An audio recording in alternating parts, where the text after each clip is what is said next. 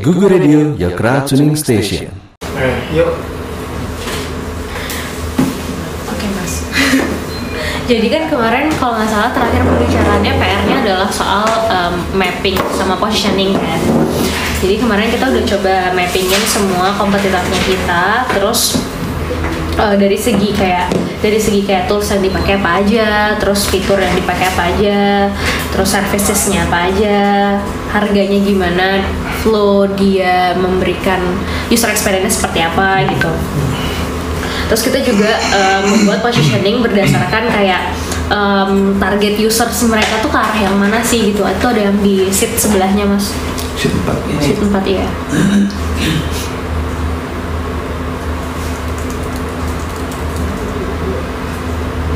Nah di situ tuh kita membagi kayak ada kategori di mana ada orang sehat, sehat tapi nggak sadar sama kesehatan mental, terus ada orang yang sehat yang sadar sama soal kesehatan mental, terus ada orang yang mengalami distress, terus orang yang punya gejala sama orang yang punya gangguan, yang udah terdiagnosa gangguan. Nah dari beberapa kompetitor kita yang lain, kayak kebanyakan memang menargetkan users atau ranah yang sama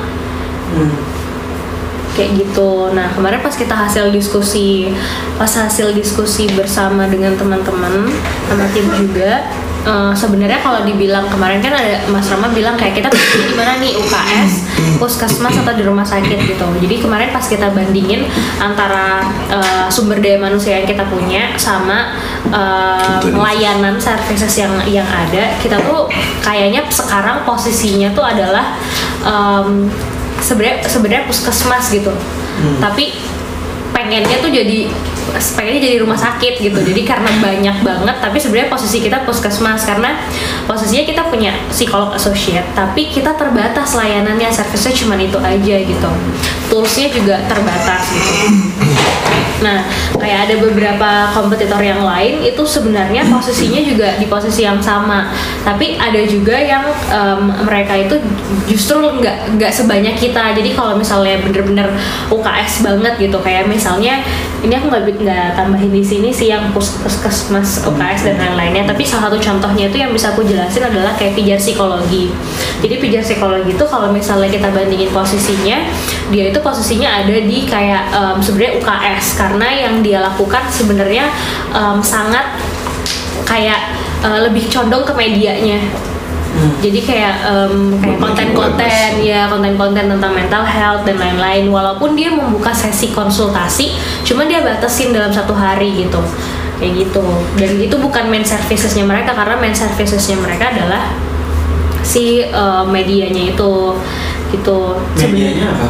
Em, web ya artikel Dia artikel sama uh, social media mas web web web uh, web social media line line dia kan aktif banget tuh di line sama email marketing nih lumayan dia email marketingnya jalan dari semua paling jalan dia sama relief dua kita belum terlalu jalan sih gitu. Nah kalau misalnya dibandingkan kompetitor kita yang lain yang bener-bener head to head sama kita posisinya itu adalah sebenarnya relief, calm, sama karib. gitu Iya. Ini ada semua. Gitu. Karena sama sebenarnya konsultasi online-nya tuh kuat banget gitu. Siapa? Hmm, Yang relief, calm sama karib. Jadi kalau relief base-nya di Surabaya. Apa sih? Surabaya Surabaya. Kalau pijar psikologi base-nya di Jogja, Mas. Anak-anak UGM. Kalau calm itu UI ya nggak UI banget sih UI gabungan UPH gitu. Terus kalau karib UI. UI banget. Nah kelebihannya, jadi sebenarnya gini mas, kalau misalnya ibunda, relief sama pijar tuh kita yang paling setahu aku yang kita memang dari lama udah paling lama gitu. Nah kayak ada kompetitor baru yang muncul yang langsung melejit itu adalah Calm sama Karib. Karena dia langsung ngeluarin kayak mobile apps, terus abis itu em, sangat kayak dana marketingnya mereka banyak banget deh.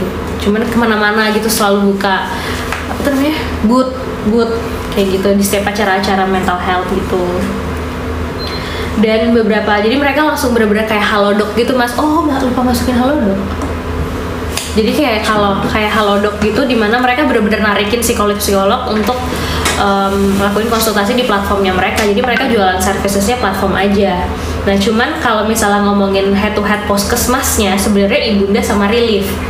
Karena kalau relief dia itu ada namanya B2B-nya em, relief for work Apa tuh? relief for work. Kalau relief forward itu lebih kayak em, konsultasi sebenarnya tapi buat kayak BK para cuman pekerja. dibuat Ah, in iya. house gitu mas. Jadi kalau misalnya nih eh, kita sediain platform nih, terus nanti yang mau curhat dan lain-lain silahkan pakai ini nanti ada psikolog yang standby di situ gitu. Di kantor-kantor gitu. Itu Di kantor-kantor. Iya dia nawarinnya ke kantor-kantor. kantor-kantor. Jadi mental health services ke kantor-kantor kayak gitu ditawarin em, dapat berapa sesi gitu berapa jam sesi terus Emang mention banyak ya? nah itu nggak tahu. Setahu aku sih nggak begitu work sih mas. Yang udah coba kayak gitu tuh relief for work sama pijar psikologi. Dia bikin bisnis unit baru namanya pijar tuh satu lagi Iya, iya, namanya. Iya. Luminar. Bukan bukan bukan luminar. Satunya lagi. Luminar itu yang kayak Luminar tuh- karib. Iya Luminar tuh pijar psikologi worknya Hmm, di situ. Tapi ya belum begitu work sih kalau menurut kita. Iya. Karena kemarin kita juga validasi keliling juga, kayak iya. buat apaan gitu. Gue kalau dia nggak works mendingan gue cari orang lain gitu. Tapi beda kalau uh, trade-nya buat international company apa namanya multinational company gitu kayak Nestle apa gitu mereka punya punya memang punya ininya kayak Tahu. employee assistance programs gitu mas tapi lagi-lagi yang pegang itu uh, corporate-nya bukan Indonesia kayak kayak ada namanya Mbak Tiara tuh Iya, yang iya. salah satu associate kita tuh dia kerja di situ workplace options nama company-nya dia memang menyediakan gitu buat uh, pekerja-pekerja yang ada di onsite gitu-gitu yang jauh dari keluarganya kan supaya supaya bikin mereka tetap waras nah. Lewat call mas. Lewat Gitu. call gitu. Buat tambang gitu-gitu si EAP tuh dibutuhkan banget. Dan kebanyakan klien sama mereka itu gitu. tapi ketika di tak tanyain kalau klien lokalnya ada nggak? Nggak ada sih lokal kayak belum pada aware ke sana gitu. Dan budgetnya lumayan sih untuk itu Basisnya telepon eh, mediumnya. iya, Iya. telepon Oke, terus terus tapi dari situ kita jadi ada satu asumsi sih mas mungkin eh, apa ya bentuk apa ya, yang dipropose value proposition saya tuh kan telepon apa dan lain-lain gitu kita kemarin sempat punya asumsi kenapa nggak kita bikinin satu platform plat- platformnya tuh kayak discussion groups gitu grup tapi semuanya orang bisa ada psikolognya di situ texting semuanya anonimus nggak bisa ketahuan nih siapa dan lain-lainnya gitu. Karena yang apa yang udah-udah kemarin itu mereka teridentified namanya siapa dan lain-lain. Salah satu isunya adalah mereka takut nanti dilaporin ke apa namanya eh, isunya ke kantor dan lain-lain gitu. Tapi begitu anonimus kita belum tahu sih. Karena kalau di yang layanan kita begitu ada anonimus uh langsung rame banget gitu. Wah ini berani nih gue karena ada anonimus dan nggak ketahuan gue siapa gitu gitu tapi kita jadi punya asumsi ke yang B2B eh, apakah anonimus akan bekerja gitu? Nggak nggak. Tapi memang ada eh, planning buat masuk ke B2B. kita iya jadi kemarin pas eh, pas kemarin riset karena duitnya juga gede juga. Karena duitnya juga gede jadi salah satu justru malah nggak ngerti kenapa Relief sama Pijar punya sampai buat produk itu tapi ketika kita riset untungnya kita nggak buru-buru ya untuk ngikutin jejaknya Untuk mereka bikin baru gitu. Heeh. jadi waktu kita riset itu justru malah ketertarikan mereka karena kita kemarin banyak di unicorn unicorn ya kita tanyain kita ajak ngobrol kayak mereka itu kebutuhannya justru kayak dibilang employee assistant program sama employee engagement program. Jadi lebih banyak kayak misalnya uh, training atau apa kayak gitu yang sebenarnya nggak cuman kayak jangka pendek tapi juga long term gitu.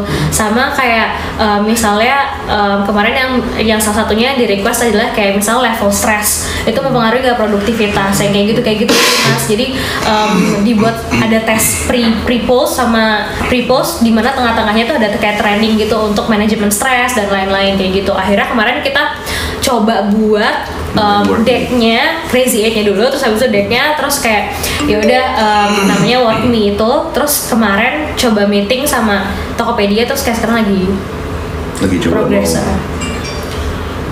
Soalnya ternyata kayak beda kan kalau kalau yang lain cobanya maksudnya kayak pijar sama relief nyobanya untuk konsultasinya kan. Ternyata kalau di company yang kita datengin mereka belum butuh itu. Tapi mereka butuhnya yang rame-rame acara-acara yang rame yang yang bisa sekaligus sekaligus dilakuin yang yang semua bisa ikut gitu. Yang memang ada ada bentuknya ada indikatornya yang bisa Tapi kan itu udah beda bisnis kok dong nggak sih? Beda. beda sekarang, beda ya kan?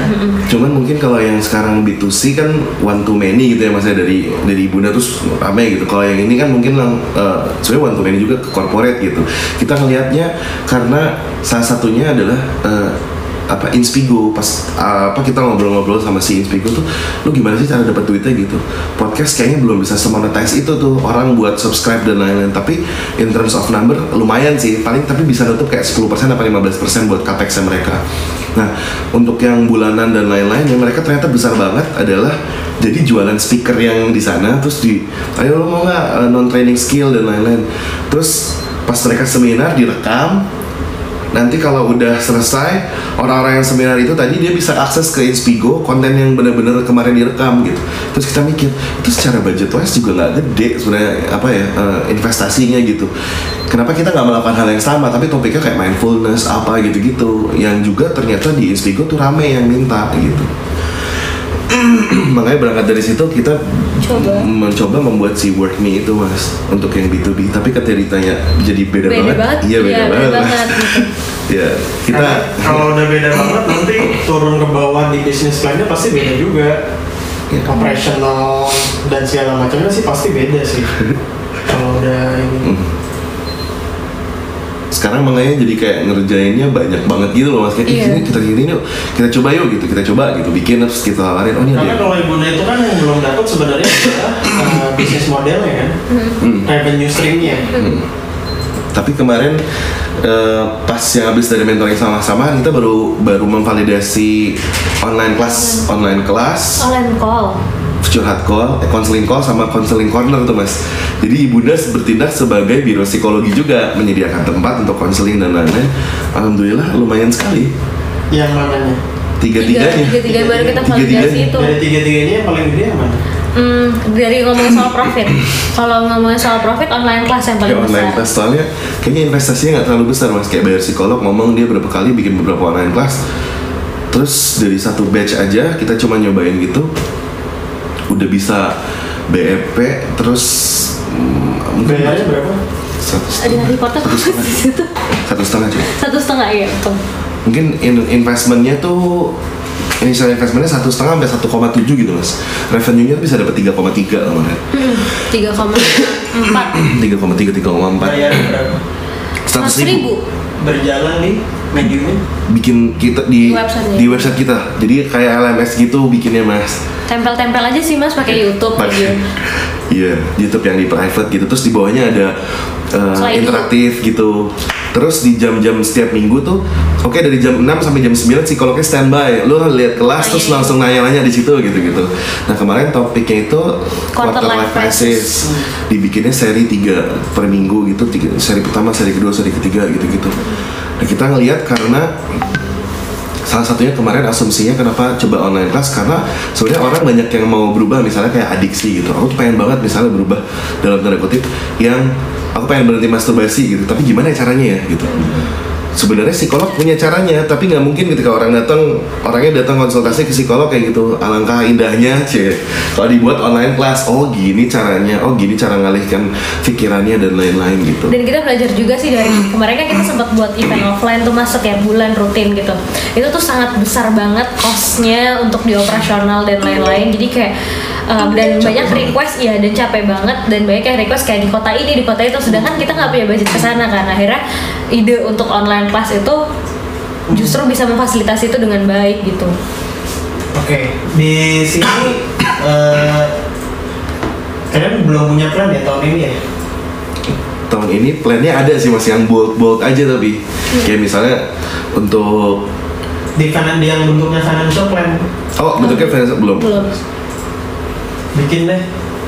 Eh, bikin financial plan-nya jadi tahu bahwa eh, tahun ini akan ngapain aja dapatnya berapa dan seterusnya gitu. Karena kalau enggak nggak punya eh, acuan juga gitu loh. Harus dapat berapa. Ada di tab yang bawahnya mas. Itu yang sales target. Ya nah tapi itu dari beberapa revenue streams yang kayak counseling call, counseling corner, apa counseling corner, online class sama work me gitu sih mas. ya cuman ya harus didetailin lagi sih. ini soalnya eh, OPEX-nya nggak ada pengeluarannya. Pengeluar. Ini kan baru sales kan? Ini kan revenue stream kan? mesti stream terus langsung kita potong Punya- profit ya. mesti punya pengeluaran tuh mulai dari gaji. Kalau misalnya kalian eh, apa sewa tempat buat kantor Iya. dan segala macam itu mesti dimasukin.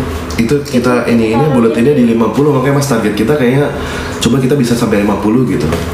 Kalau udah bisa 50 tuh udah aman sih maksudnya udah udah udah buku biru lah gitu. Ya tapi 50 nya buat apa aja? Nah penjelasannya Belum kita belum kita detailin sih. Si Rice yang besok tuh soal Finance, finance, ya. ya, jadi sekalian aja ya. Iya. buat buat bikin uh, apa namanya Financial breakdown uh, financial plan-nya. Karena uh, kalau di sini 45 terus eh kalau misalnya itu 50 di sini masuk pemasukan per bulan 45 minus dong. Ya terus kan nggak tahu di akhir tahun kalian akan dapat net profitnya berapa. Betul. Iya. kalau pakai financial plan kan ketahuan karena nanti akan ngitung kayak misalnya si online class. Eh, eh, kemarin yang udah jalan berapa pesertanya ini? 11 ini? Ya Iya. sebentar.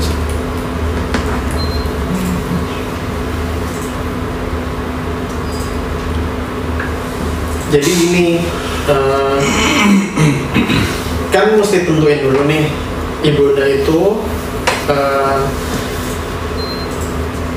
eh, impact yang mau dihasilkan sama bisnis yang dikerjakan itu tuh berada di area yang sama atau enggak?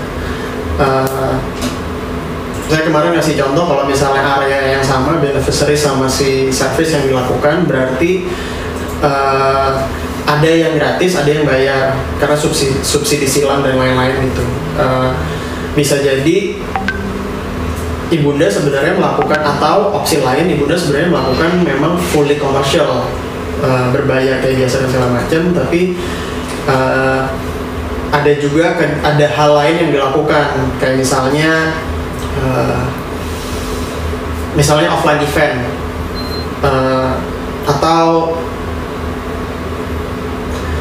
misalnya gimana ya mengkaitkannya jadi misalnya nih ya eh, permasalahan eh, depresi yang terjadi di umur sekian sampai sekian saat ini tuh tinggi. Hmm. impact yang dimiliki sama ibunda impact yang yang ingin dilakukan sama ibunda adalah menurunkan yang ini nih gitu kan. Gimana caranya eh, memberikan fasilitas konsultasi gratis spesifik untuk si si target yang tadi gitu. Konsultasi gratis ini kan ada biayanya. Gimana caranya biaya ini bisa ke cover? Yep. ya bisa jadi ada hal lain yang dilakukan. Misalnya si online course Iya. gitu. Online course untuk ikutan mesti bayar dan segala macam gitu. Nah eh, atau kalau misalnya kita pernah ngomong soal subscription base eh, karena dirasa bahwa eh, di umur sekian sampai sekian itu tinggi eh, tingkat depresi itu tinggi eh, terus pingin diturunin artinya menyediakan servis ini tapi juga memang bisnisnya berjalan di sini. Yaitu dengan bikin uh, subscription base mereka langganan gitu misalnya kayak gitu. Eh, ketika udah tahu ketika punya punya bayangan kan kemarin kita bikin impact model. Impact model kan tentuin bahwa dampak apa yang mau diciptakan Uh, dari impact model terus kita bikin uh, bisnis model juga. Kalian udah bikin kan si bisnis model canvas itu? Bisnis model canvas uh, dapat bayangan bahwa revenue stream itu dapatnya dari mana aja. Begitu ini udah ada terus bikin financial plan. Karena di bisnis model canvas ini kan udah ada cost structure nih. Kan. di cost structure itu uh, udah ada salary operational uh, office operational cost itu udah udah jadi pengeluaran tuh yang terjadi di setiap bulan. Terus habis itu uh, ada revenue-nya. Nah revenue-nya kan taruh di atas tuh kalau misalnya di financial plan. Rencana pemasukan tuh dari mana aja. Nah uh, kita butuh net profit. Karena uh, net profit itu akan menentukan bahwa uh, di akhir tahun akan dapat berapa. Hmm. Kenapa ini butuh? Karena ke depannya ibunda mau ngapain gitu. Hmm. Biasanya sih selalu seperti itu. Kalau misalnya mengacu ke social impact, karena ada dampak yang mau diciptakan yang lebih besar sehingga membutuhkan net profit minimal sekian. Hmm. Ketika udah tahu net profit yang kebutuhan sekian, terus uh, pengeluarannya berapa setiap bulan, berarti kan udah tahu tuh pemasukan yang dibutuhkan berapa. Iya. Nah pemasukan yang udah dibutuhin itu bisa jadi dihitung nih dari dari per masing-masing rencana revenue-nya. Paid event ada berapa berapa kali dalam setahun misalnya bulan apa aja. Karena kan kalau bikin kayak yang tadi itu kan bikinnya udah bulan ke bulan, Iya. Hmm. ya kan? Ya kan udah bulan ke bulan kan. Eh, Belum ada paid event misalnya di situ. Heeh. Terus kalau misalnya mau ada subscription base gitu, subscription base kan berarti eh, berapa tuh eh, secara angka tuh berapa dan itu bisa didapat dari berapa banyak orang yang eh, subscribe subscribe kayak gitu gitu.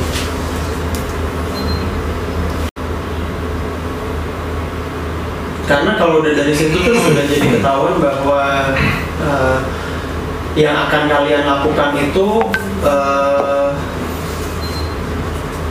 sumber pemasukannya dari mana gitu? Core bisnisnya apa? Karena kan gini nih. Di sini kasusnya yang bisa jadi apa eh, situasinya bisa jadi gini bahwa online kelas kalian tuh berbayar. Eh, sehingga ada direct cost-nya. Karena kan ada sisi psikolog yang ngomong. Eh, kenapa itu masuk ke direct cost? Karena kalau nggak ada kegiatannya nggak ada pengeluarannya. Saya kan jadi eh, LDS apa direct cost Eh, nah karena udah karena udah ada apa namanya pengeluaran terus habis itu ada orang berbayar untuk bisa ikutan sehingga eh, kalian tahu bahwa pemasukan yang didapat dari sebuah online course itu berapa. Eh, let's say misalnya eh, di sini targetnya buat dapat 30 orang itu di bulan Mei. Di bulan Mei targetnya adalah eh, 30 orang ikutan 30 orang bayar. 30 orang kan berarti 30 kali 100 ribu. Hmm. Eh, terus dari situ eh, pemasukan ini eh, kalian jadikan ini sebagai untuk nutupin biaya di eh, kegiatan yang tadi yang secara dampak yang ingin kalian lakukan tuh apa gitu misalnya konsultasi Ya. online secara gratis gitu misalnya itu itu kan berarti eh, dampak yang ingin dilakukan dan revenue yang dihasilkan itu tuh di, di area yang berbeda gitu. Revenue-nya didapat dari online class. Dampak yang diberikan adalah dari konsultasi online via line atau apa pun itu gitu. nah itu ditentuin aja sih revenue streamnya mau dari mana. Dari dua-duanya even ya nggak apa-apa juga.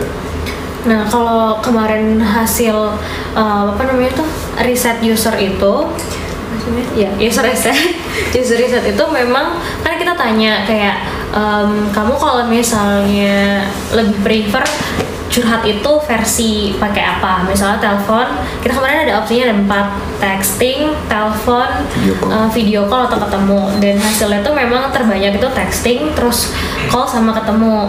Jadi jarang banget pilih yang video call. Terus kalau misalnya texting mereka mau bayar atau enggak? Kayak most of them tuh jawab enggak enggak enggak bersedia untuk bayar gitu.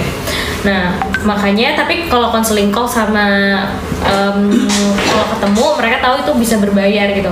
Makanya pas kita coba konseling call tuh juga agak ragu kalau misalnya orang banyak yang ikut gitu. Nah dari yang dari hasil itu sebenarnya kita kepikiran atau memang stepnya itu kita gather orang uh, untuk mereka ya udah kamu coba aja dulu um, konsultasi via texting experience seperti apa. Kalau misalnya kalau misalnya kita tahu bahwa oh ini kayaknya orang nggak bisa lagi cuman via texting gitu harus um, misal ketemu atau misalnya bisa via dia lebih prefer untuk lewat call karena ceritanya panjang dan lain-lain dari situ jadi ibaratnya itu wadah pertama yang gratis kemudian bisa dialirin ke call sama ketemu langsung ataupun Even texting aja bisa dibatasin. Iya, nah kemarin itu kan kita nggak pernah dibatasin tuh mas, jadi kayak setiap hari buka terus pagi Karena sampai pakai- malam gitu. Karena pakai platform yang lain itu kan mas. Mm, dan tim kita burn out, terus habis itu oke oke kita uh, Jadi gampang burnout. jadi gampang burn out, terus habis itu belum lagi sambat-sambatnya gitu, terus habis itu ya udah akhirnya kayak sekarang kita batasin waktunya jam 4 sampai jam 8 gitu, jam 4 sore sampai jam 8 ya gitu, itu itu aja jam 4 sampai jam 8 kok. Apa tuh namanya? Um, usersnya tuh makin banyak, nah terus kayak ada perdebatannya adalah apakah mau kita bayar kita kita buat dia sistemnya berbayar kah atau gimana texting ini karena bener-bener usernya tuh banyak gitu kita kemarin sampai Tapi udah tahu dia yang mereka si user ini berulang atau enggak? kalau Ketahuan datanya sih mas. Ketahuan datanya Yang dia curhat lagi curhat lagi gitu. Tapi ya eh, di satu berapa kali satu orang? Hmm, mungkin dari 100 orang yang curhat yang balik lagi itu mungkin retention rate-nya mungkin sekitar 30 sampai 40 ya mas 30 persen. iya Eh, berat 30% minimal dua kali gitu ya jadi sekali datang terus habis itu besoknya lagi gitu itu Iya. dalam durasi berapa lama? itu jadi ya. jadi kalau misalnya kalau misalnya di line contohnya tuh em, kalau misalnya biasanya mereka tuh hadir ketika di jam makan siang paling banyak paling tinggi di jam makan siang. Ketika di jam makan siang itu tinggi mereka tuh terus sampai malam terus sampai malam bahkan sampai besok cuman em, waktunya itu kayak nggak nggak berjeda gitu. Jadi nggak mesti nggak intens banget gitu. Tapi mereka bener-bener terus bales gitu. Sampai biasanya mereka tuh kalau di datanya em, sampai 2 sampai tiga hari sih habis itu selesai terus bisa lagi kayak dua minggu setelahnya atau satu bulan setelahnya datang lagi dengan masalah yang baru. Atau masalah yang gitu update. Seberapa susah sih kalian nyoba kalau misalnya berbayar? Kalau dibuat berbayar udah punya platformnya lagi mau dibuat. Kalau nggak perlu buat ada nggak sih yang gratis? Nah itu lagi Lagi mikir kita lagi nyari kemarin. Kayak apa ya yang bisa buat dibatasin gitu atau nggak pakai line tapi dibuat manual aja. Jadi ad friend-nya itu bayar dulu.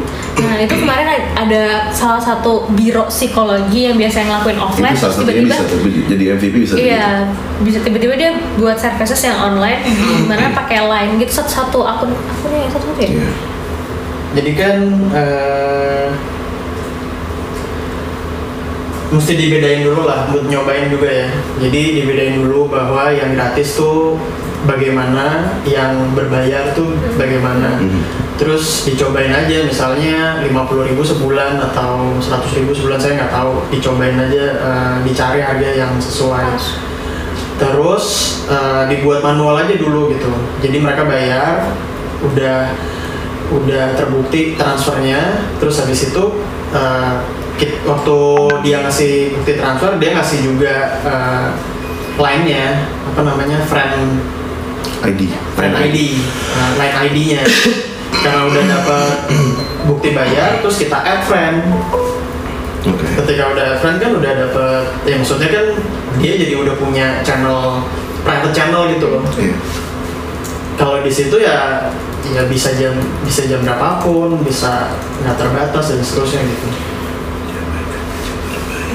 itu buat tahu ini aja uh, apakah Apa mau memang bayar atau enggak gitu. dan sistemnya sebul kayak bulanan gitu ya mas ya mas Mm-mm. kayak subscription gitu ya tapi balik lagi gitu jadi uh, kalian akan punya banyak sekali uh, alternatif revenue stream subscription dari konsultasi aja ya. subscription base bayar per konsul uh, lewat telepon lewat teks uh, dan macam-macam ketemu gitu itu kan uh, macam-macam tapi bisa juga bahwa uh, revenue streamnya bukan bukan hanya dari sini tapi dari yang lain gitu Uh, online class ini selalu bayar Hmm. tapi kalau yang konsultasi Ada yang gratis. ini selalu gratis Oh, oke. Konsultasi pun bisa jadi dibagi dua bahkan ada yang gratis ada yang bayar misalnya gitu. Tapi uh, ya itu mesti dicoba gue tahu nah uh, revenue stream ini ini kan kita akan bisa tahu uh, seberapa besar dan apa aja ketika kita punya financial plan gitu. Si financial plan itu akan ketahuan ketika kita tahu setiap bulan pengeluarannya apa aja. Uh, sehingga uh, untuk bisa nutupin biaya bulanan dan punya profitnya itu kita butuh berapa makanya tadi saya contoh gini di sini target uh,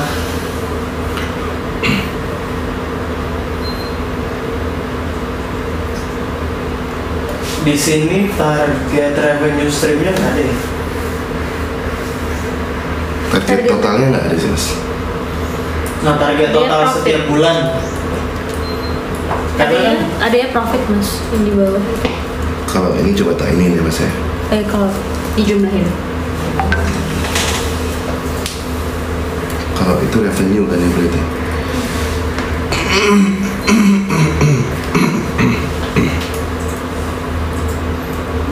Main panjang caranya. Langsung ke net profit sih mas jadi adanya yang total di bawah. Padahal net Si profit harusnya dikurangin sama eh, operational. Operasional ini belum. Ini masih masih jatuhnya. Eh sorry. Emang kelas eh, net profit Eh ini revenue sih mas jatuh-jatuhnya. yang mana? Yang bawah ini. Ini soalnya kayak misalnya konseling call 125.000 gitu harganya. Yang masuk ke kita cuma 31.500. oh iya karena biaya ininya biaya ke psikolognya gitu sisanya kayak konseling corner tuh 230.000 ribu biaya masuk ke kita cuma Iya, jadi kalau net profit itu kan ini tuh sebenarnya gross. gross ya Gross. ini gross karena dia ada ada direct cost udah dikurangin Udah direct dikurangin, cost. betul. Ya, betul. Tapi kan gaji kalian segala macam kan belum maksudnya di operational. di operational ini net profitnya adanya di income statement nantinya Heeh. Nah itu biar dapat supaya tahu bahwa setiap bulan kalian butuh pemasukannya berapa. Nah pemasukan berapa itu itu tuh akan eh, akan dipenuhi dari apa aja sih? Hmm. Apakah berlangganan? Apakah hasil online class? Eh, kalian bikin online class itu apakah bisa seberapa susah ngundang 30 orang gitu saya nggak tahu sih kayak misalnya si kalau YouTube kalau YouTube di private eh, ya harusnya nggak masalah ya. Eh, berapa orang yang secara simultan nonton itu bukan live kan? Bukan. Yang live interaksinya mas. Hanya dua jam atau tiga jam gitu di jam-jam tertentu gitu. Bisa ngobrol langsung sama si bisa diskusi langsung sama psikolog. Tadi kita mau taruh Udemy mas. Cuman karena Udemy nggak bisa live kan Em, kekurangannya itu aja sebetulnya. Sama kemarin Udemy Udemy kendala teknis. ribet dah si Iya. flow-nya karena masih baru kan baru masuk Indonesia tuh mas dia. Jadi makanya permissionnya yang agak ribet. Iya udah ngupload yang ini terus butuh apa gitu kayak ribet. Makanya kita bikin sendiri aja gitu.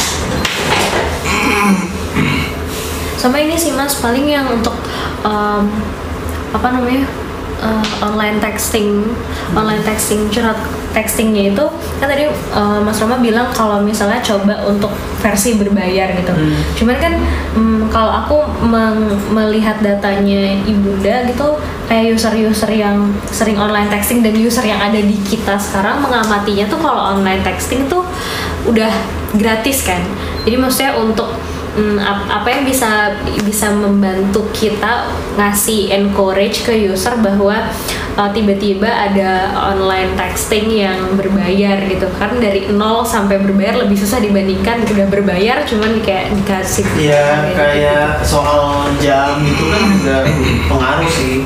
Bisa jam berapapun, terus Hmm. habis itu eh, terbatas itu. Eh, kalau misalnya menurut kalian eh, apa namanya online texting itu lebih susah buat di buat dijadiin revenue ya nggak apa-apa juga. Tapi kan kalian tetap butuh revenue, revenue stream gitu loh. Makanya tadi penting banget untuk tahu bahwa setiap bulan revenue yang dibutuhkan tuh berapa. Kita nggak setan 50 mas. Makanya di angkanya di bawah gitu. Cuman penjabarannya apa dan lain-lain. Makanya kita taruh gedenya itu adalah deh kita target kita 50 deh. Biar bisa buku biru dulu gitu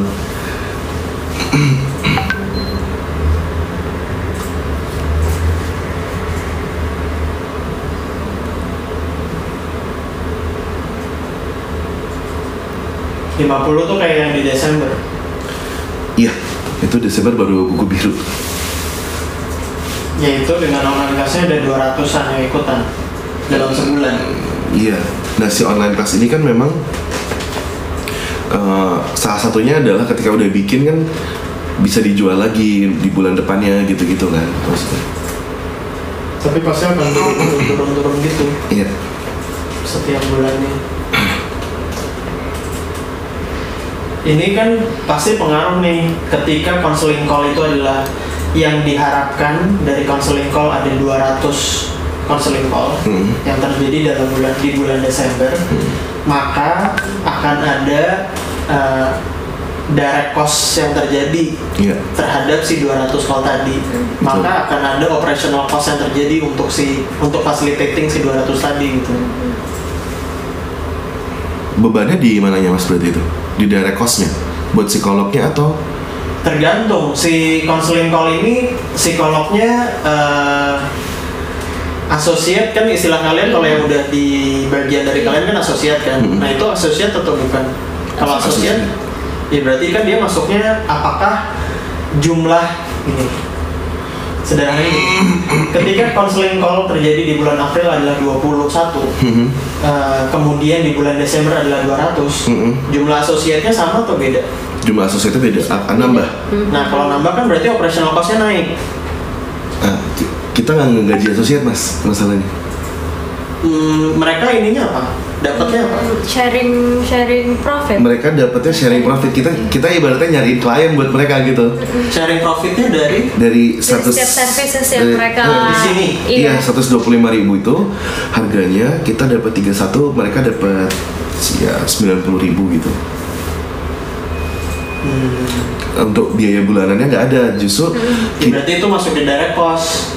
oh, oke Jadi bayar untuk bayar mereka masuk ke direct cost, kan sisanya kan berarti jadi revenue. revenue kalian. betul. Berapa persen berarti mereka? 60 eh kalau Enggak, kalau iya lebih. kok corner yang Kalau kalau Kalau- itu sekitar 70 70, persen, 70 75.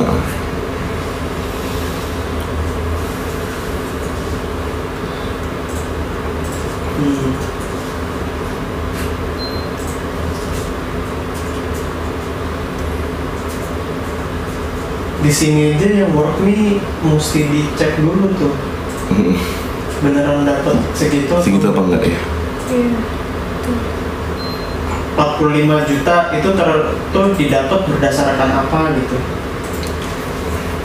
Karena dia 50 persennya dari revenue. Iya. soalnya kan eh, revenue itu pasti reflect ke cost yang terjadi. Semakin tinggi revenue-nya bisa jadi cost-nya juga semakin tinggi gitu.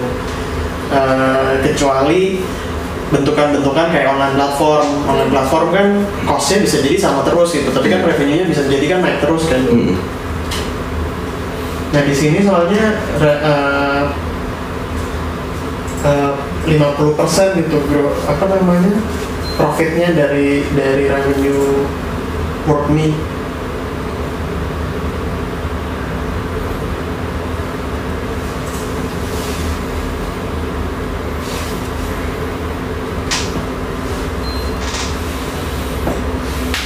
sebenarnya ini sih mas kemarin mau ada eh, ada pembicaraan sama sama tim juga untuk em, kayak buat paket gitu untuk konseling call sama konseling corner. Karena kan kayak kita udah ngadain dari bulan sorry, percobaannya dari bulan Maret April. Jadi Februari Maret April.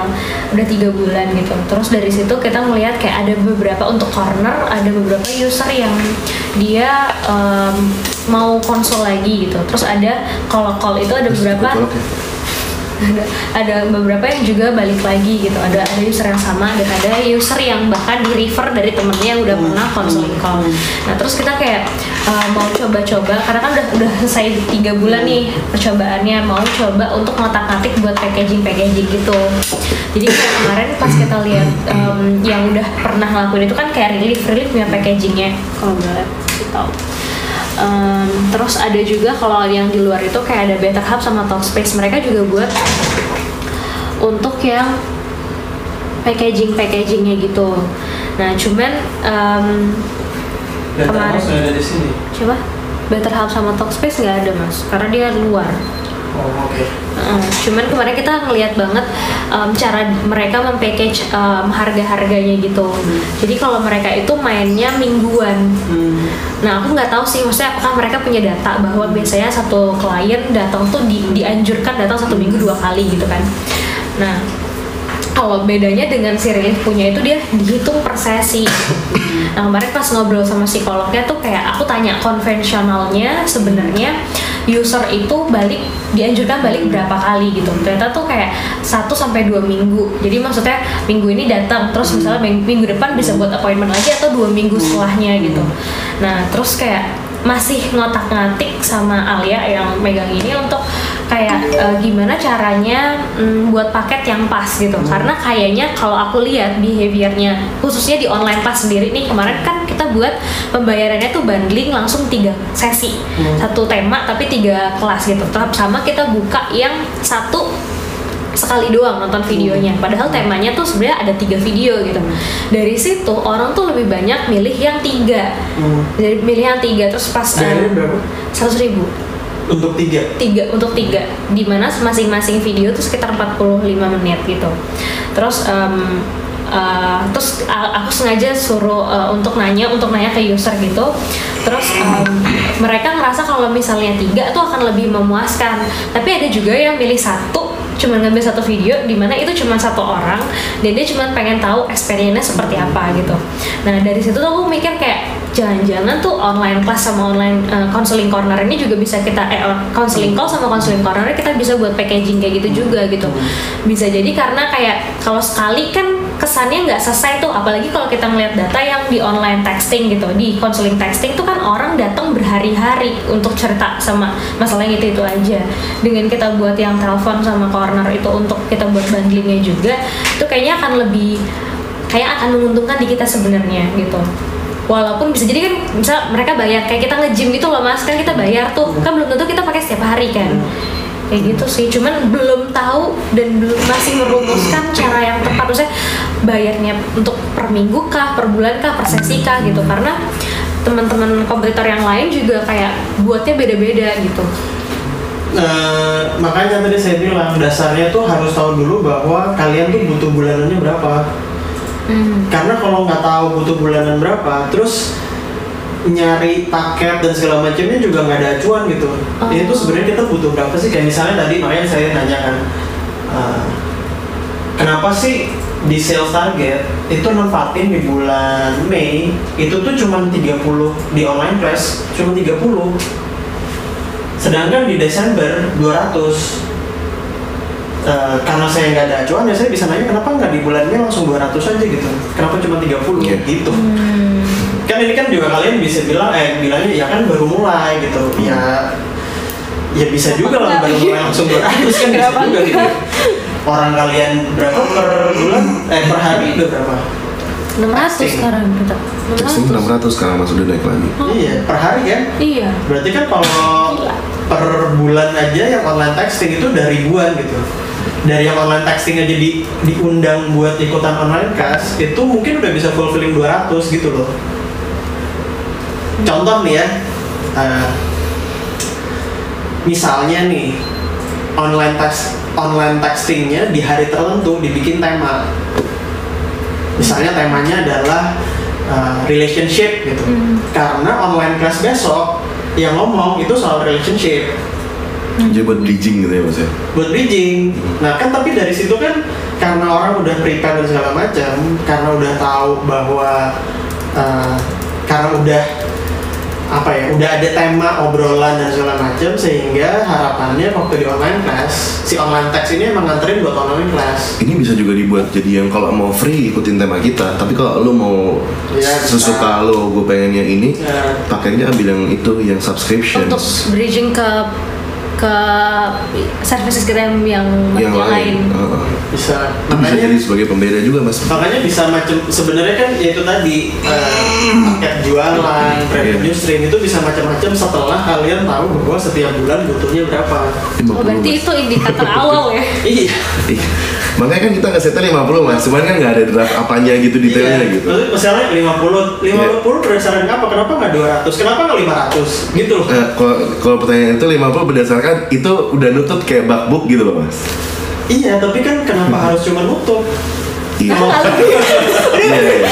Iya, setuju. setuju. Lebih Karena dari kema- dari kok nggak dynamo? kalau pertanyaannya gini, kenapa kenapa cuman nutup dari kemarin gitu cuman nutup aja susah mas gitu. Masa curhat? Makanya jadi aduh. ya karena kalau ng- mengacunya ke impact makanya waktu itu saya bilang bahwa kalau bicaranya impact dampak itu kan yang mesti dicari sebesar besarnya Iya. Iya. Iya kan Eh, sementara besar kecil itu relatif gitu Hmm. saya bisa bilang sesuatu itu besar tapi kalian itu kayaknya terlalu kecil atau sebaliknya gitu Hmm. sehingga eh, memang seharusnya kita punya acuan bahwa misalnya tahun ini dampak yang ingin diciptakan tuh sekian ini kalau saya kan dari tadi kita ngomongin lebih banyak soal bisnis Hmm. tapi ketika kita ngomongin eh, social enterprise atau social business eh, kan kita juga punya target eh, impact target sosialnya target sosialnya itu yang mesti di-define gitu. Ini tuh apa? Makanya kemarin kita juga ngomongin soal UKS, puskesmas, sama rumah sakit misalnya kayak gitu. Eh, berapa banyak eh, misalnya ya ibunda itu targetnya adalah umur sekian sampai sekian. Di umur sekian sampai sekian itu tuh yang eh, tingkat depresi itu ternyata sekarang masih tinggi gitu.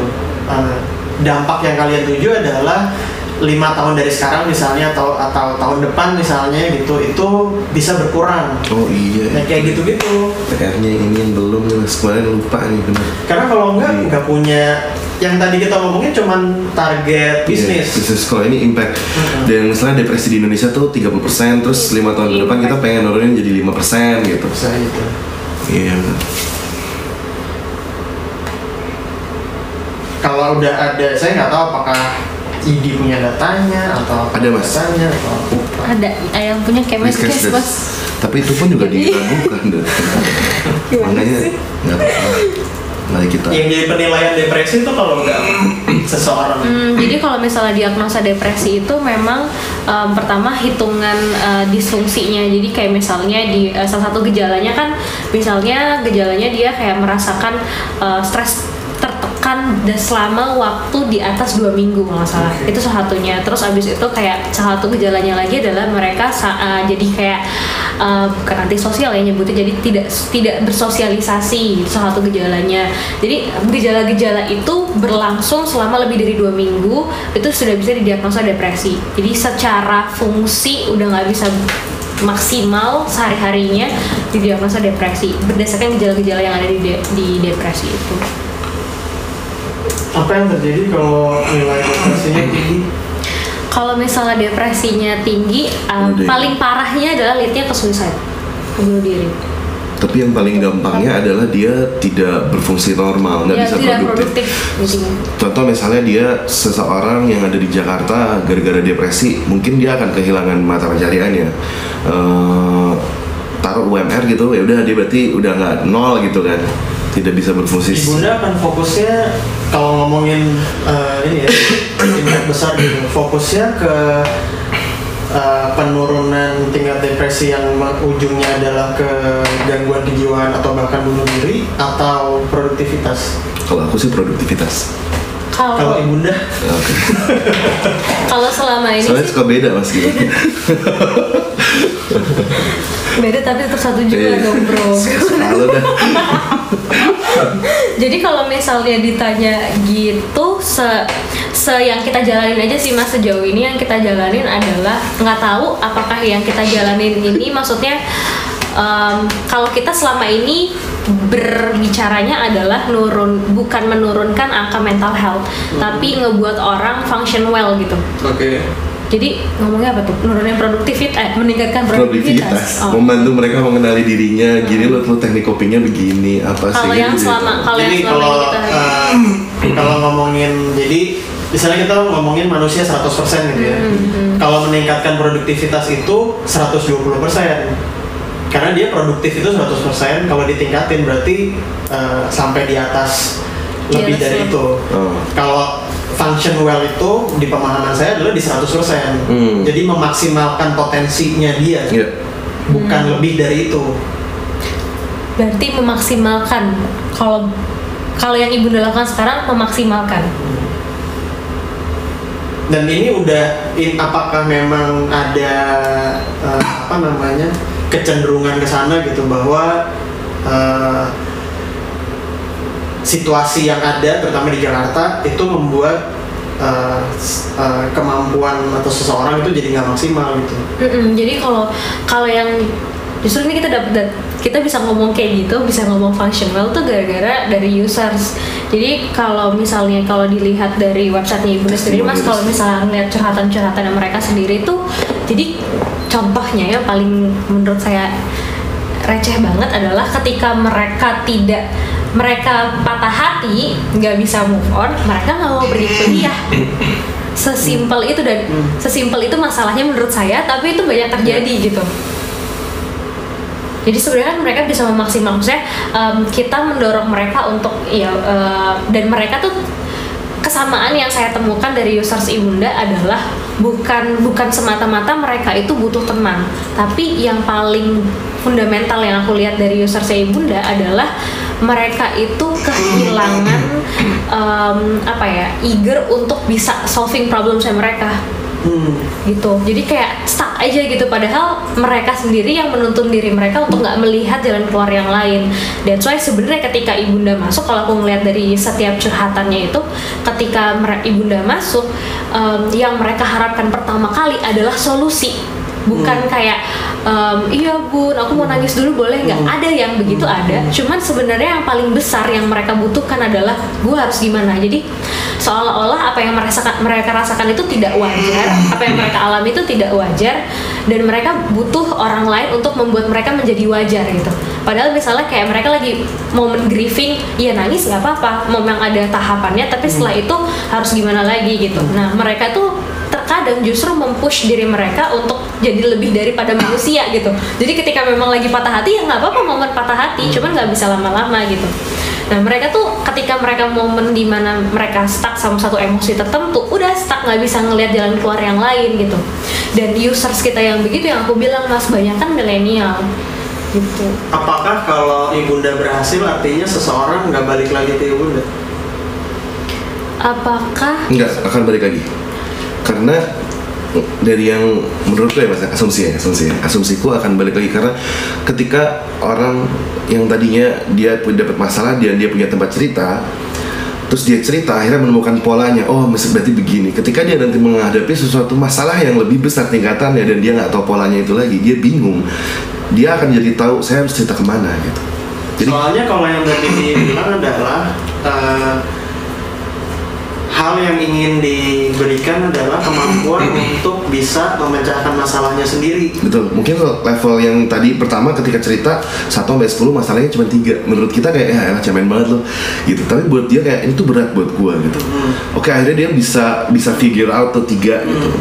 Tiga tahun ke depan dia dapat masalah yang 5 nilainya. Aduh kayak gimana nih? Iya, tapi kan selama tiga tahun dia nggak balik-balik dulu dong ya bunda.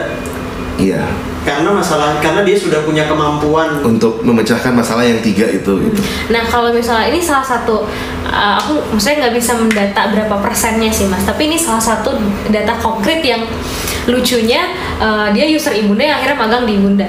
Jadi uh, ya, jadi dia ini uh, pertama kali curhat ke ibunda, dia punya masalah, terus abis itu setelah setelah dia berhasil dibantu sama ibunda untuk bisa akhirnya keluar dari permasalahannya dia dan dia punya cara untuk memaintain dirinya sendiri dia mengkonsumsi konten-konten dari ibunda untuk maintain setiap harinya. Dan yang dia lakukan mungkin memang tidak balik uh, per, minggu atau per bulan gitu. Tapi yang dia lakukan adalah dia merefer nah itu sih yang yang sistemnya kita juga belum punya untuk melakukan refer itu loh sebenarnya. Refer tuh gimana? jadi evangelist gitu mas. Jadi kayak eh mm, temennya dia ngeliat ada yang ada yang apa namanya Uh, oh lu ada masalah curhatnya ke ibunda gitu. Iya, dan itu ternyata tuh banyak dilakukan gitu. levelnya advokasi mas kalau baru belajar kemarin mas Nah, Ya, kayak ya gitu. bener. Nah, si uh, user ini akan ngasih ke info ke, ke yang lain. Nah, dia akan balik lagi ketika yang Agrif bilang tadi kayak masalahnya udah levelnya beda lagi gitu. Nah, Makanya kalau di Bunda, kalau di datanya nih Mas sorry motong banyak Bangga sama orang tua gitu Eh, Banyaknya di datanya Ibunda itu kalau misalnya kita lihat di website sama di line itu Yang banyak datang setiap hari itu adalah Bukan banyak datang, ya, yang setiap hari datang adalah user-user baru eh, Gitu Nah, eh, artinya kalian udah mulai dapet gambaran bahwa target di sisi dampak itu tuh eh, akan seperti apa, bagaimana dan seperti apa gitu. Karena eh, kalian juga butuh angka di sisi itu. Eh, apa sih dampak apa yang ingin diciptakan dan berapa banyak dan berapa besar? Eh, bagaimana kalau misalnya ibunda berhasil, bagaimana kalau nggak berhasil? hmm. Eh, contoh ya dari dari obrolan ini bahwa kan yang ingin diberikan adalah kemampuan untuk eh, bisa eh, keluar dari masalahnya sendiri Iya. gitu sehingga dia bisa men- me- menjalani hidupnya yang seutuhnya gitu.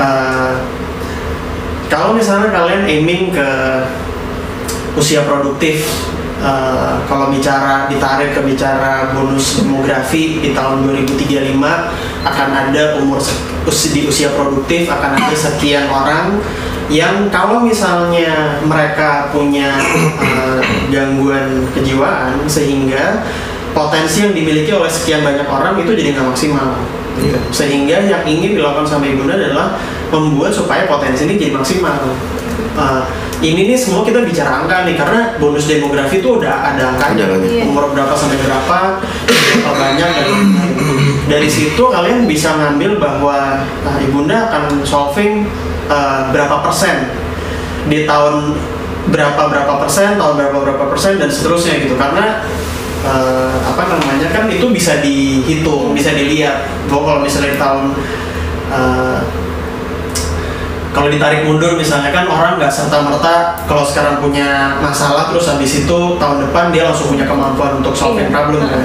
Misalnya eh, kita kepingin mereka yang di usia produktif di tahun 2035 itu sudah punya kemampuan itu. Sehingga eh, dua tahun dari sebelumnya sehingga di tahun 2033 misalnya ada sekian banyak orang yang bisa jadi evangelis tadi untuk si usia produktif lainnya gitu. Jadi kalian juga nggak ngambil 100%, tapi ngambil let's say misalnya 20%. 20% udah ada angkanya nih. Untuk dapat angka 20% di tahun 2033 itu udah ketahuan tuh bahwa dari 2019 menuju 2033 itu tuh setiap tahun tuh berapa, Berapa? banyak gitu.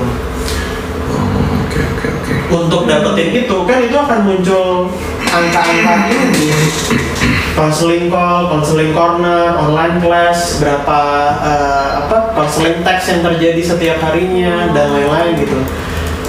Eh, dari sisi target impact udah keluar, dari ini akan kemudian juga mempengaruhi si financial plan. Iya. Si financial plan yang tadi makanya kan tadi saya bilang bahwa kenapa sih ngomonginnya kenapa di sini dua, di Desember 200, kenapa di Mei 30? Kalau misalnya di tahun 2033 butuhnya 100 juta dan di bulan Mei 30 orang gitu, itu tuh nyampe nggak iya 30 juta nantinya gitu loh. Iya. Nah, itu yang kan bisa dirunut sebenarnya gitu. Makanya waktu itu kan saya bilang bahwa eh, kalau mau bikin impact tapi kayak garamin laut, jadinya percuma gitu. Jadi nggak Nggak impactnya. Iya, iya.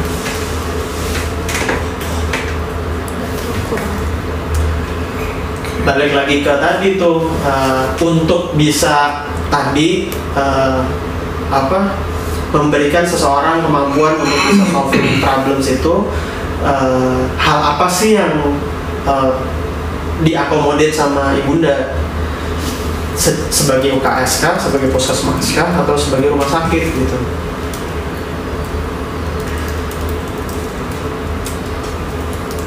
Ketika kalian bikin ini komparasi, kalau di sosial itu tuh sebaiknya melihatnya bukan sebagai kompetitor, sebagai sebaiknya melihatnya sebagai Teman baik. collaboration partner. Gitu. itu saya mas betul sekali. kalau dia nggak kalau kompetitor mas kalau dia. sebaiknya ngelihatnya sebagai collaborator dulu, habis itu harus compete. Karena kalau enggak, ya kita nggak makin gede. Gitu. maaf ya mas bawa ini jiwa kompetitif predator kalau predator Siapa dari ini semua yang udah lebih advance secara Dari solving problems? solving problem. Sejauh ini belum. Kalau solving problems dari testimoni users yang kita dapat beberapa dari users kita tuh yang ke ibunda tuh suka karena dia udah mencoba beberapa dan mereka bilang paling nyaman di ibunda itu satu kalau dari segi kualitas tapi kalau dari segi branding terus Banyak, Mas. eh, apa namanya Eh, eh, tools yang dipakai Iya, tag-tagnya kita tuh SEO tuh kita kalah. Kita tuh email nomor marketing tiga tuh. punya. Jangan bilang bilang. gitu lah mas, kita ngerjain semua. SEO. kita jagonya cuma di similar web kita dibanding relief sama pijar psikologi kita menang di social media doang. Social media yang lari ke website tuh trafficnya banyak. Ya dan sebegitu engage-nya users kita walaupun kalau dari kuantitas dari semuanya mungkin nggak nggak sebegitu besar sih teman. Kita cuma menangnya di situ aja. SEO kita masih tiga besar. Tiga tiga besar. Karena di topik itu aja ya, mungkin kalian bisa spot spot on ke eh, yang sama kompetitor tadi, kompetitor dalam tanda kutip, tapi yang brandingnya jago. Eh, karena bisa jadi mereka itu akan jadi partnernya eh, ibunda. Jadi yang ngomong kencang ke banyak orang bahwa kalau punya masalah itu bisa curhat, ngobrol dan segala macam itu mereka gitu. Tapi begitu butuh eh, kan kalian mau memposisikan puskesmas kan? hmm. Mereka jadi UKS ya gitu, pertolongan pertama curhat dan segala macam bisa jadi ke mereka gitu. Hmm. Ini kan mereka belajar bahwa oh kalau misalnya gue punya masalah itu tuh ada tempat-tempat atau ada pihak-pihak yang bisa spesifik gitu uh, bisa jadi tempat untuk curhat online misalnya segala macam. Dari situ, kalau misalnya mereka ngerasa, oh ternyata ada kayak gini toh. Dari situ bisa jadi mereka akan nyari bentukan lain yang memang lebih advance dibanding dari yang yang ini tadi nih. Salah satunya ibunda. Jadi kan kayak levelnya kan naik gitu dia eh, ngerasa badannya nggak enak, eh, yang paling cepat ngambil obat ke UKS gitu. Begitu dia di UKS sudah diperiksa, ternyata butuh diperiksa dokter lebih lanjut, datanglah dia ke puskesmas gitu. Ketika di puskesmas beberapa kali datang tapi nggak sembuh juga, ya berarti dia akan ke rumah sakit gitu. Jadi nggak nggak selalu setiap hal itu memang mesti dicakup semuanya gitu buat saya salah satu bentukan kolaborasi ya tadi ngajarin market kalau misalnya ada yang pihak-pihak yang memang lebih punya powernya, lebih punya kemampuannya, eh, effort buat brandingnya juga lebih gede gitu. Ya udah mereka memang tugas mereka memang untuk ngajarin market mungkin soal keberadaan online counseling gitu, Hmm. memperkenalkan di awal gitu. Tapi masalahnya satu salah satu masalahnya juga gini mas, Eh, semua siapa karena karena ibaratnya eh, industrinya tuh masih baru ya menurut kita ya kayak dua tahun terakhir tuh baru baru gitu. Si startup-startup yang lain juga jadi jack of all trades juga gitu. Jadi apa? Ma- jadi kayak semuanya gitu pengen nyakupnya semuanya gitu jadi ketika kita bikin clustering kayak udah udah lu fokusnya di bunuh diri aja aja, gitu iya. enggak aku mau semuanya ngapain kok belum ada yang belum ada yang lead di sini kok gitu gitu itu loh maturity industry Hmm. ya nggak apa-apa karena setiap hal setiap startup juga harus berproses kali seperti kalian juga gitu Hmm. untuk menentukan bahwa akhirnya mau ke mana gitu Iya, fokusnya. bisa semuanya memang nice gitu. Gini deh kita ngelihat si unicorn unicorn itu gitu. Tokopedia itu pertama waktu pertama kali mulai nggak serta merta jualan pulsa listrik, nggak Iya, jualan betul. tiket dan enggak gitu ya. Jadi marketplace aja orang mau jual barang atau mau beli barang ada di situ gitu. Hmm. Tapi Gojek nggak dari awal ada GoFoodnya gitu. Tapi kan setelah uh, dia punya sesuatu yang memang jadi fokusnya dia, terus dia tahu bahwa ini membedakan dia dari yang lain, uh, baru setelah dia kuat di situ, baru dia buka hal-hal yang lainnya gitu. Ya. Nah, kita lagi dalam proses pencarian apa nih yang kita kuatnya gitu loh. Salah satu yang jadi titik acuan adalah financial plan. Hmm, dan nanti akan bisa kelihatan revenue generatornya dari mana gitu. Iya, karena kan kalian pilihannya adalah kalian mengada-ngada sesuatu, gini, mengada-ngada tuh Iya iya, betul. Saya pengen banget jualan eh, ini out of nowhere ya Oke. Eh, akan jadi lebih mudah kalau misalnya ada artificial intelligence yang bisa solving problems orang-orang bentuknya aplikasi gitu nggak perlu psikolog atau psikolog akan datang di, di tahap keberapa tapi di awal eh, dia online chat dulu sama bot Hmm. Ya. Tapi nggak punya nih barangnya terus kan mesti bikin kan ketika mesti bikin terus kan jadi ada cost yang terjadi tuh Iya. ya kan ini kan jadinya ngada-ngada nih Mm-mm. menghasilkan cost yang gede gitu Eh, karena ada cost ini terus jadi mesti mikirin revenue streamnya yang lain yang mana ya Hmm, jadi ini hmm. versusnya adalah ya udah nggak usah bikin yang ini karena ini kan mengada-ngada Hmm. bikin aja di mana yang Udah kelihatan duitnya. iya dan costnya paling rendah Hmm. akhirnya kan balik ke situ gitu. Makanya waktu bikin bisnis model kanvas waktu itu juga di sini. Di kalau bisnis model kanvas tuh gampang banget. Karena sisi kanan segala sesuatu yang menghasilkan uang. Sisi kiri segala sesuatu yang mengeluarkan uang gitu. di sisi kiri ada yang bentukannya key resources segala sesuatu yang harus ada kalau itu nggak ada kita nggak bisa jalan. gitu ada yang bentukannya adalah partners dan key uh, Stakeholder. Stakeholder. Uh, kita butuh banget mereka, tapi uh, i- kayak misalnya psikolog. Psikolog itu kalau misalnya kalian punya apa sebutannya uh, in house atau psikolog-psikolog yang memang kalian gaji, itu kan masuknya ke resource resources, Iya. ya kan. Tapi begitu mereka dijadikan partner, uh, uh, cost terhadap mereka hanya terjadi kalau misalnya Ada memang ada pekerjaan Iya. mereka jadi partner. Iya. Gitu. Eh, saya percaya di beberapa situasi juga ada bahwa bahkan mereka nggak profit share Hmm. karena memang si partnernya tuh butuh latihan, butuh medium untuk mereka konseling dan segala macam Iya. sehingga nggak ada ya karena mereka butuh ya mereka memang memberikan jasanya secara gratis karena nggak ada yang dikeluarin jadinya mereka benar-benar 100% partner gitu Iya. iya. karena ketika dia kalau di sini kan uh, segala sesuatu yang jadi key resources itu pasti akan menjadi cost structure Iya. Uh, di partners and key stakeholder dia adalah cost tapi belum tentu eh, dia adalah uh, kebutuhan tapi uh, belum tentu menjadi cost Iya. karena bisa jadi barter, bisa jadi apa, eh, apa eh, kolaborasi dan lain-lain. Eh, kalau misalnya dia pindah ke yang tadinya cost, pindah ke bawah, jadinya nol, pindah ke partner, jadinya kan nol, Hmm. nggak perlu ngeluarin uang. Saya lupa deh di kemarin atau sama kalian yang cerita, saya pernah bikin workshop buat komunitas pendidikan. Eh, ada satu di di workshop itu eh, saya bikin eh, impact mapping. Jadi saya di Indo di ekosistem ini ada di mana, terus yang lain tuh ada di mana gitu. Nah, eh, salah satu yang dilakukan sama si si peserta workshop adalah dia bikin kurikulum buat PAUD Oh. gitu. Eh, peserta workshop lain yang dia lakukan adalah dia melakukan pelatihan untuk PAUD. Eh, waktu bikin bisnis model kanvas, si untuk bisa melakukan pelatihan untuk PAUD, guru-guru PAUD, dia butuh kurikulum. Hmm. Dan untuk bi- bikin kurikulum, dia harus bayar. Hmm. Ini dua pihak yang kerja yang workshop di saat yang bersamaan aja mereka bisa kerjasama gitu Iya.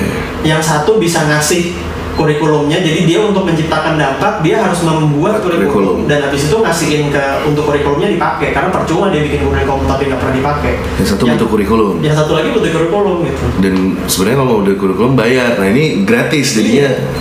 Nah itu yang tadi saya bilang bahwa uh, at the end sebenarnya financial plan itu jadi acuan. Saya butuh berapa untuk menghasilkan dampak yang saya mau. Saya tuh butuh sekian. Hmm. Gitu. Ketika udah iya, punya target sebulan butuh sekian, maka tuh dicari gimana caranya buat ke situ. Ada hal-hal yang untuk menghasilkan barang itu mengeluarkan kos, ada hal-hal yang untuk menghasilkan barang itu nggak mau mengeluarkan kos. kos. Ya, Gitu. menarik tuh. Itu, ya. Berarti tarik mundurnya dari yang bonus demografi tadi mas itu menarik tuh untuk diituin. Ya. Terus itu tadi ukur buat target. impact-nya. Diukur Iya. impactnya ta- tiap tahunnya akan berapa dan untuk membuat impact setiap tahun itu tuh butuh Berapa? butuh butuh costnya berapa sehingga Health plan itu jadi- ngambilnya dapat dari net profit berapa persen kali ya mas ya? dan apa yang paling revenue stream yang paling besar untuk bisa Bisa jadi nggak ketemu karena ketemu gede. Bisa jadi nggak ketemu, tapi nggak masalah karena paling nggak dengan kalian bikin itu kalian udah tahu bahwa eh, saya nggak akan menciptakan eh, nggak akan mengcover 30% dari si bonus demografi, Hmm. tapi paling nggak saya akan nyentuh 5% gitu misalnya. Oh, Gitu. tapi jadi jelas iya, Itu kita bicara bonus demografi Indonesia. iya. Bisa aja kalian bicara hanya bonus demografi di kota besar. Bisa aja kalian bicara bonus demografi hanya di Jakarta. Jakarta. Gitu. Iya. Padahal data data yang riskesdas itu mas eh, angka gangguan ke apa namanya mental Jakarta tuh ada di urutan 8 atau 9 yang satu tiga atau lima besar tuh malah justru di luar. Jakarta Makassar gitu-gitu makanya jadi kayak tapi itu berat banget kalau yang itu masalahnya udah yang ke rumah Iya, sakit bukan- kalau bukan itu kita. butuhnya kita memprevent supaya Jakarta nggak masuk lima besar gitu itu bisa jadi impact juga sih mas gitu. Bisa aja. Bisa itu pilihan kan. Iya. Kan menciptakan impact di mana itu pilihan. Itu bonus demografis soalnya kita main-main juga narasinya adalah salah satunya itu. Kita pengen memastikan eh, generasi milenial satu generasi produktif di 2030 35 itu mereka punya kesehatan mental yang baik sehingga benar-benar bisa full produktif sehingga benar-benar terjadi bonus gitu bukan bencana. Tiga besar siapa aja yang tiga besar itu Banten tuh empat besar ada di las datanya kalau nggak salah tuh Makassar ya Riskesdas Lu bayar ya terus yang ketahuan kenapa ini? Jadi tuh tapi kocak mas, tuh biar saja kocak ini datanya Kemenkes tuh selalu kocak karena em, kalau aku nggak pernah lihat Diragukan. Riskesdas, kalau aku lihatnya patokannya WHO, kalau Arif patokannya Riskesdas. Jadi kalau Riskesdas ini data yang dia kumpulkan populasinya tuh ibu rumah tangga. Jadi kan nggak nggak menyeluruh, nggak mencerminkan keseluruhan gitu. Yang dia ambil tuh sampelnya tuh ibu rumah tangga gitu. Di 2018 ini memang datanya kocak banget. Kocak banget. itu pun di banyak diragukan juga sama orang-orang ini ngambil teknik samplingnya gimana apa Iya, gitu, gitu. jadi kayak ribet quick count Padahal tapi bag tapi bagus yang 2017. 2013 coy Eh iya 2000 ya 2013. 2000 2000 Kan lima tahun ya, sekali. 13 13. 2013 tuh lebih rapih. iya Apa beda kepala aja. Nyau nyau.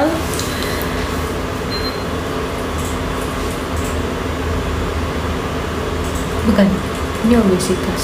Ini bisnis eh, social eh, bisnis model kanvas ini eh, bikinnya kapan? Waktu itu sama siapa Mbak Sil? Yang, siapa yang kita Rise Ink kemarin waktu workshop Mbak Rizka, Mbak Rizka. Mbak Rizka. Kedua, ah. eh kedua ya? Rizka Kelas kedua. Mbak Rizka Ini aja kalian customer sama beneficiary-nya beda. Yang satu 1724, yang satu 2535. Oh, ini tuh kemarin kita eh, kita gini mas, jadi eh, kemarin pas kita buat itu adalah kita bilang sama Mbak Rizkanya itu adalah kita tuh ada dua golongan user terbanyak. Di mana tadinya kita tuh paling banyak di bawah 20-an gitu. Jadi sekitar em, yang di atas itu mas yang di bagian atas. Nah tapi sekarang bergeser ke eh, yang di bawah. Karena kita udah mulai ngarahin konten dan lain-lainnya marketingnya bla bla bla, itu udah mulai ke bawah gitu. Terus jadi gimana mbak? Tapi dua-duanya masih bertahan di sini gitu. Soalnya kayak beneficiary-nya kemarin kita bingung mau masukin apa ya. Ya sih review sama Mbak Rizka. Terus kata Mbak Rizka masukin aja sama-sama segmen sekarang sama yang jadi mau jadi targetnya kita gitu. Karena kita kemarin cerita juga mas kayak bahwa kita tuh sebenarnya pengen ngincarnya adalah eh, produktif millennials gitu yang usianya tuh 25 sampai ya 25 sampai 35 gitu. Tapi usersnya banyaknya adalah 17 24 gitu. Tapi semakin ke sini makin banyak. Ya udah dibikin dua aja yang sekarang yang satu apa namanya? Yang sekarang gimana tuh nanti future-nya kayak gimana gitu. Salah ya Mas ya? Nggak nggak apa-apa. Ini kan bisnis model Canvas itu cara untuk mapping eh, kalian atau eh, menunjukkan ke siapa. Karena kalau di sini kan di Canvas ini sebenarnya beneficiary itu adalah siapa yang akan menerima manfaat. Mhm. Customer itu adalah siapa yang akan bayar. Nah mungkin kalau di sini adalah yang tadi pembagiannya. Kalau beneficiary-nya adalah yang free misalnya. Nah yang free itu dapat duitnya dari orang-orang yang bayar servis kita di usianya itu 25 sampai 35 gitu mungkin. Iya, kalau misalnya kayak gitu berarti memang kalian udah tahu persis bahwa eh, contoh ya, kalian salah satu revenue stream utamanya bukan subscription, Hmm. karena kalau subscription kan berarti si beneficiary adalah si customer dong, Iya betul. harusnya umurnya sama, Oh iya betul. ya kan? Tapi kan kalau dari sini sebenarnya berarti kalian akan bikin sesuatu untuk si 2535 dan mereka akan bayar Iya. penghasilan dari mereka kita dipakai Pakai untuk operasional sih. Iya. Oh iya iya iya. Nah mereka kenapa eh, kalau dikaitin sama si bonus demografi karena si 1724 itu nanti di tahun 2035 akan jadi si bonus demografi Hmm. gitu. Jadi penting banget nih buat mereka itu eh, karena si 2535 kan si usia produktif sekarang bukan Iya. nanti gitu kan. Eh, tapi si 2535 udah punya penghasilan untuk bisa bayar gitu. Eh, si 1724 belum punya Hmm. Tapi si 1724 jadi poten eh, punya eh, mereka yang potensial untuk jadi tadi live to the fullest di, di pas mereka jadi bonus demografi gitu yang mengkosip mereka yang sekarang udah punya uang Iya. ini kalau bacanya dari Betul. sini ya Iya. Berarti kalau gitu nanti mesti dilebarin lagi ya mas ya? Tujuh, masa si apa namanya eh, beneficiariesnya tuh 17 sampai say 35 berarti di situ. Terserah aja nggak masalah mau dibikin bracket yang di beneficiaries itu ada dua segmen juga nggak apa-apa juga Oh, sebenarnya dikasih dua aja tulisnya gitu ya? Oke. Kalau saya sih dari dulu bikin bisnis model kanvas itu paling gampang pakai post it Hmm, karena bisa banyak banyak gitu. ditempel-tempel, dipindah-pindah Iya iya. dan bisa banyak, terus bisa dibedain warnanya, terus jadi tahu gitu bahwa misalnya kita pilih warna merah, warna pink adalah buat si 1724 Terus waktu di value proposition buat si 1724 kita kasih value propositionnya apa? Iya betul sekali. Betul. Yang dikelompokin gitu ya mas? ya? Akan lebih Cuma gampang. tembok segini nih di kantor sih iya biar bisa di ini dong kita. Yang nomor satu ini mas Sulawesi Tengah. Sulawesi Tengah ya? Sulteng tuh tengah bukan tenggara kan? Gue anak Sulawesi IPA Tengah apa Tenggara? Grafiknya cek lagi. Sultan. Gimana mampus lu. Indonesia lo dipertanyakan. kasar kan? Apa susah? Le? jangan jangan sembarangan Iya, ada Sulawesi ada Tengah, ada bawaslu pemungutan suara di Sulteng Sulawesi. Tengah bener. Itu Sulawesi Tengah ibu provinsinya kotanya Palu. Oh. oh karena ini kali. Kan belum gempa kemarin stres mereka 2018 coy. bencana. Enggak, oh. Ini coy Sexy Killers. PLTU itu bukan Palu itu Kalimantan anda mah Bahlul Nggak nonton. Nah Jakarta tuh adanya di ini mas. 1, 2, 3, 4, 5, 6 Banten ke 6 mas. 7, 8, 9 Sultan Gorontalo bener Jabar lo kasih sih ke, ke 10, 11 ditunjukin? 17 mas. Jakarta mas. Kota besar lain? Ditunjukin gitu. Kota besar lain? Banten. DIY DIY nggak? 10 besar coy. Banten udah masuk. Banten ya Tunggu sebentar ya baca Gorontalo NTT kepala saya begini. NTB tinggi ya? Sumbar Sumut Jabar Jabar Kampung Sembilan Sulsel. di cross check sama ini eh, tingkat ekonomi. Tingkat ekonomi. Maksudnya pengaruh atau enggak gitu? Pen- pendapatan BPS maksudnya? Mm-mm. apakah sih semakin eh, tinggi tingkat kemiskinan maka eh, Oh, iya, iya. kejiwaannya semakin rendah gitu. Kalau ngambil ini bisa nggak mas? Kayak yang eh, paling banyak ngambil masa kredit gitu-gitu cicilan apa? ya, itu kan kaitannya sama Kemiskinan. eh, sama ekonomi. Soalnya kemarin kayak mikir gitu, "Wih, kita kita tawarin ke pegadaian apa ya bikin apa gitu terus kan salah satu faktor pemicunya kan ekonomi tuh mas gitu. feeling gue emang dasar lo lagi deket sama orang Enggak lah, fintech kan dasar. dasar anda kredivo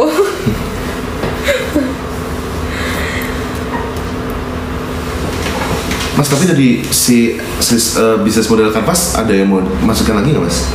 Yang dibetulin selain yang tadi? enggak kayaknya eh, benerin yang tadi dulu deh maksudnya Jadi- memperjelas itu bisnis model canvas itu eh, benar-benar berdasarkan ini mapping dari kalian aja gitu. Hmm. Terus di sini kan eh, di sini tuh udah ketahuan bahwa value propositionnya apa, social value proposition, terus customer value proposition, di social value proposition kan eh, yang tadi tuh terhadap target impact itu tuh kalian mau ngapain gitu misalnya tadi meningkatkan kualitas hidup uh, seseorang gitu sehingga mereka bisa live to the fullest Uh, itu kan si value proposition di impactnya Hmm. terus nanti ketika impact measuresnya itu adalah ngukurnya tuh gimana pakai apa yang tadi misalnya bonus Betul. demografi segala macam jadi uh, social business model canvas ini cuman kanvas untuk membantu kita memetakan apa yang kita lakukan dan keterkaitan antara uh, commercial. Jadi nggak ada yang salah di sini. Yang tahu salah atau benar dan social business model canvas itu uh, si business model canvas itu akan terus-terusan ev- evolve gitu, Iya. berubah, berubah terus berubah. ya betul makanya kalau iya di penting ya mas ditempelin gitu ya dan ter- apa kelihatan gede gitu jadinya kayak si impact model yang kemarin dibikin itu itu kan emang gak akan berubah terus gitu. financial plan setelah punya ini terus habis itu tinggal eh, terus step berikutnya lu bikin financial plan. karena dari financial plan eh, hal-hal yang menghasilkan cost mem- membuat jadi cost akan kelihatan di financial plan. Terus di revenue itu udah langsung masuk di pos-posnya revenue stream tuh di sini di financial plan kan di atas tuh biasanya adalah revenue Revenue, stream. dari dari si revenue itu akan langsung masuk pos-posnya itu. Bikinnya kayak si ini tadi nih si sales target. Ini kan udah langsung masuk nih. Ya nah di bagian atas itu adalah revenue stream. Revenue-nya apa aja gitu gitu gitu ketika udah tahu costnya berapa uh, costnya berapa terus tahu bahwa revenue streamnya gimana uh, sehingga setiap bulan harus punya revenue stream berapa supaya di bawahnya ada net profitnya gitu.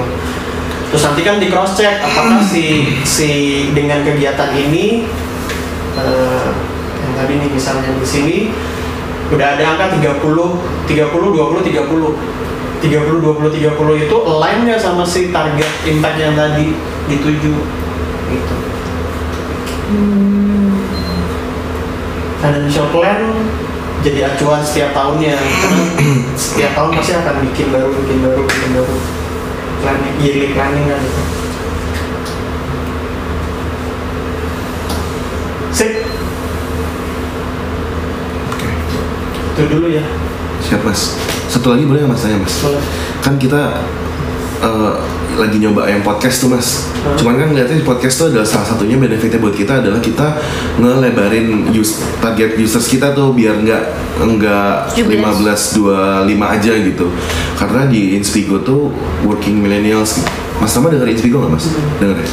Nah, cuman kita mikir benefitnya mereka cuman itu selain ngelebarin apa namanya si target marketnya terus ngelebarin ngefirmin brandnya gitu bahwa ibunda.id itu bukan buat parent parenting and kids gitu gitulah Eh, walaupun sekarang masih dalam tengah opsi mau rebrandingnya kayak gimana gitu ada beberapa opsi nama gitu.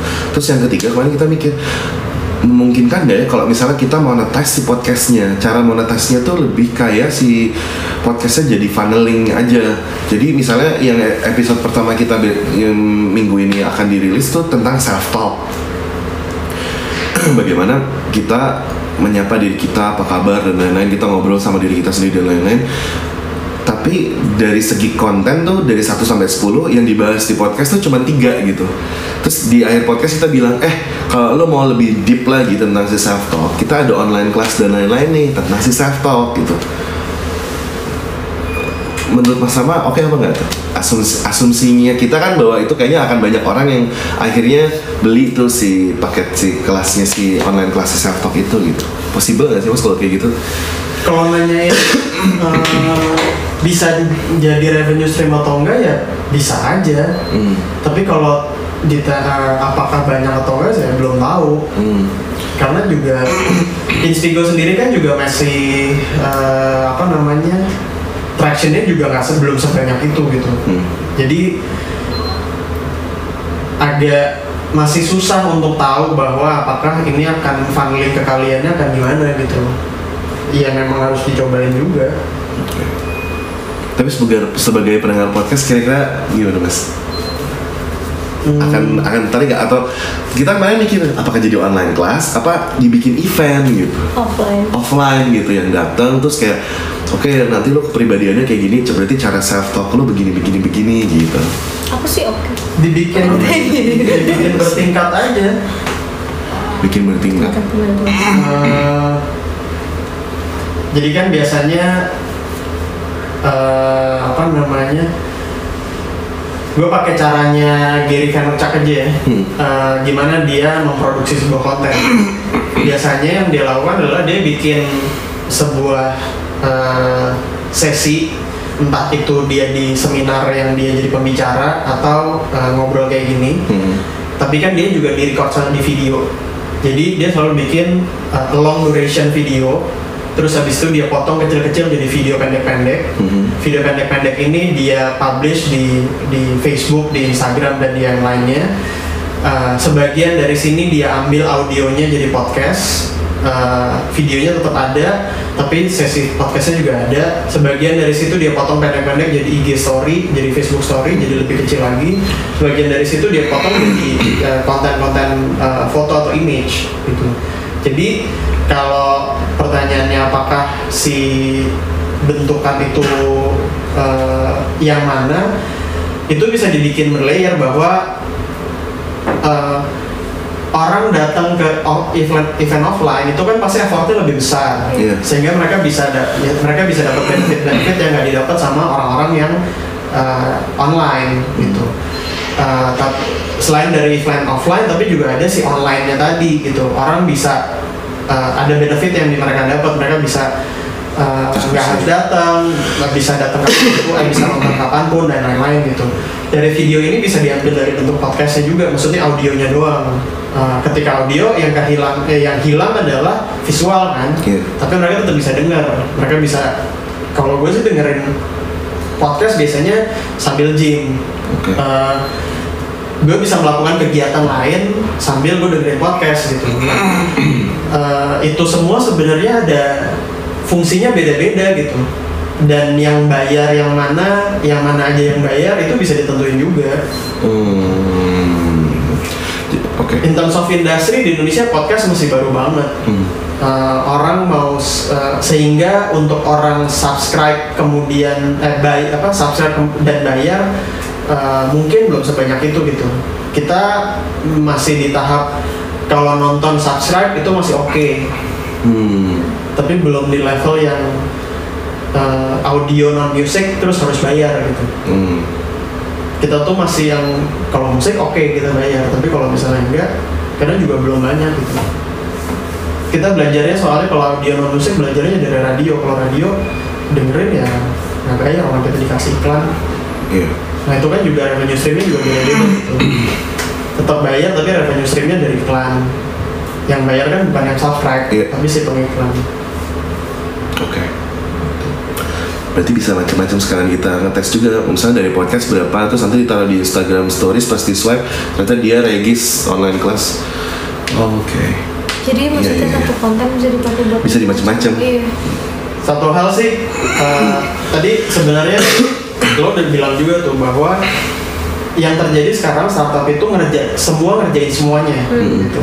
Yang perlu diingat adalah semakin banyak yang dikerjain, semakin banyak juga effort yang terjadi gitu. Sehingga eh, Google Radio, your crowd tuning station.